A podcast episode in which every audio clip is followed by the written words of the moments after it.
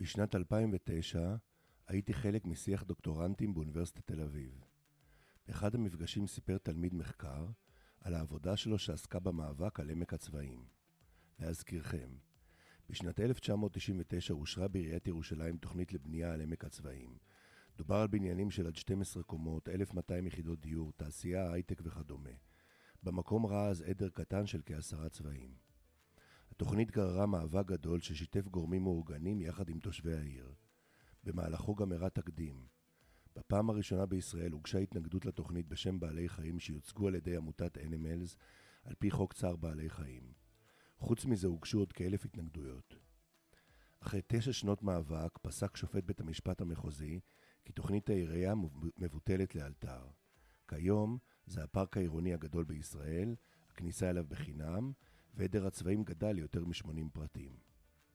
אולם, מעבר להצלחה, מה שתפס את עינו של אותו תלמיד מחקר היה המגוון האנושי שהשתתף במאבק.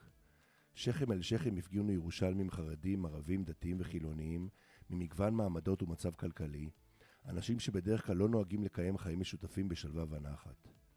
מה היה הדבר שגרם לאנשים מתרבויות כל כך שונות לקום ולהילחם אקטיבית למען שלומם של כמה במבים?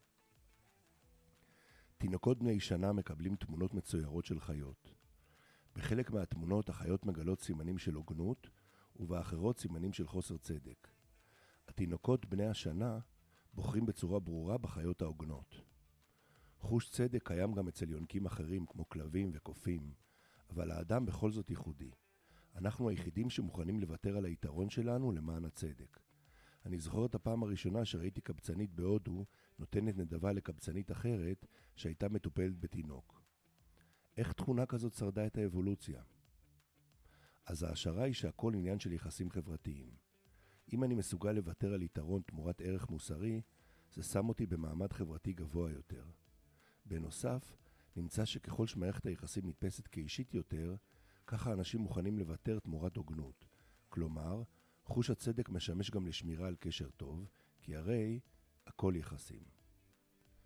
כמה צבעים בודדים, שבמשך שנים הלך וצומצם שטח המחיה שלהם, ועמדו במתקפות של כלבים משוטטים, ומספרם פחת והלך, נאלצו להיאבק מול ענקי נדל"ן, שרצו להפוך אותם לכסף בעסקאות קומבינציה. חוסר הצדק הזה היה כה בוטה, שהוא הוציא החוצה למאבק ציבורי מכל הסוגים. הם פשוט לא יכלו לסבול מצב כל כך לא שוויוני. ישראל נהנתה מתמיכה עולמית עד מלחמת 67, לא בגלל אידיאולוגיה, אלא משום שעד אז אנחנו נתפסנו כחלשים, ומאז כחזקים במאבק, בלי קשר לאם הדבר נכון באמת עובדתית. בגלל זה המדיניות של כל צד היא להציג עצמו לעולם כקורבן. אז כדאי להבין, כשאתה דורך ברגל גסה על הצד האחר, רק כי אתה יכול, כשאתה לא יוצר אפילו מראית עין של הקשבה והתחשבות, ומפר את הבסיס למשחק הוגן, אתה מעורר יצרים קמאיים של התנגדות. לא סתם הסיפור של דוד וגוליית הוא מושא התייחסות בכל העולם ונמצא אפילו בקוראן. הוא משקף את הבסיס של קיום היחסים שלנו כחברה אנושית.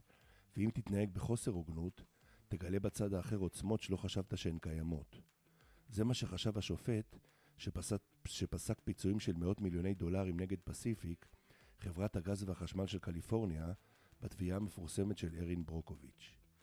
עסקה טובה כידוע, היא כזאת ששני הצדדים מרוויחים בה, ואם תחרוג מכך אל תשכח, לאורך זמן, גוליית לעולם לא מנצח.